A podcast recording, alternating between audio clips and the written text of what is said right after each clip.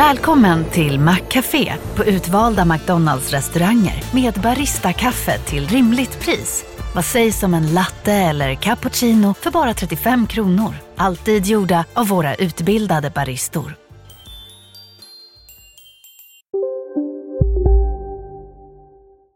Hej och välkomna till Lisa läser. Det är jag som är Lisa.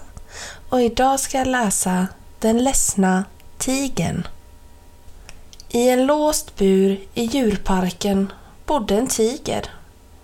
Buren var gjord av kraftigt järngaller för att han inte skulle smita. Dagarna i ända kom folk till djurparken för att titta och peka på honom. Se på den där hemska, farliga tigen, sa föräldrarna till sina barn. Om ni inte aktar er blir ni uppätna. Men tigen låg alldeles stilla i buren och tittade ut genom gallret. Han tittade upp på himlen. Han såg solen och månen och stjärnorna och mindes sin ungdom. En gång i tiden hade han levt i en stor djungel med rytande floder och högt vajande gräs. En gång i tiden hade han varit fri. Men nu var tigens ögon ledsna. En kväll när den sista besökaren hade lämnat djurparken och tigen som vanligt låg och tittade upp på den stigande månen flög en liten fågel förbi hans bur. Det var en mycket liten fågel. Tigen hade aldrig sett en fågel flyga förbi utanför buren förut, så han ropade på den. Först tänkte fågeln flyga vidare utan att bry sig om honom. Men så fick den se tigens ledsna ögon. Med ens ångrade den sig och flög rakt in i buren istället.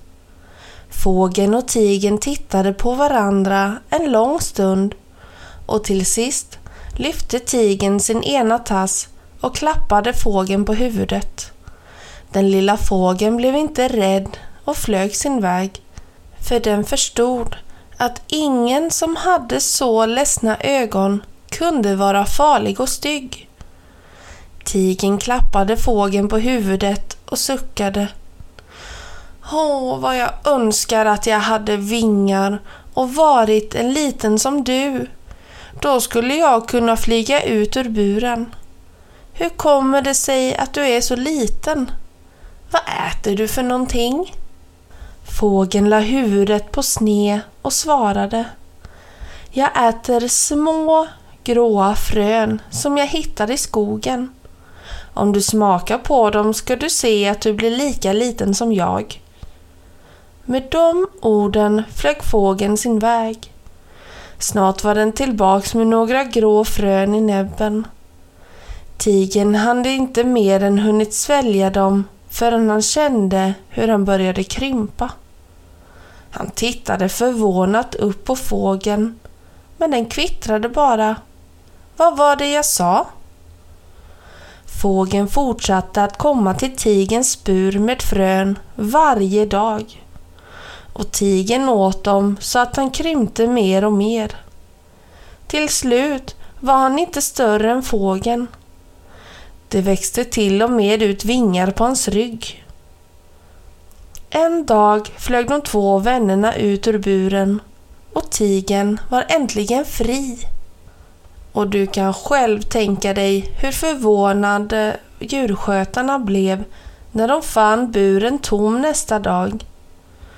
Men det tjänar ingenting till att försöka förklara för dem. De skulle ändå bara tro att alltihop var en saga. Och snipp, snapp, snut så var denna korta saga slut.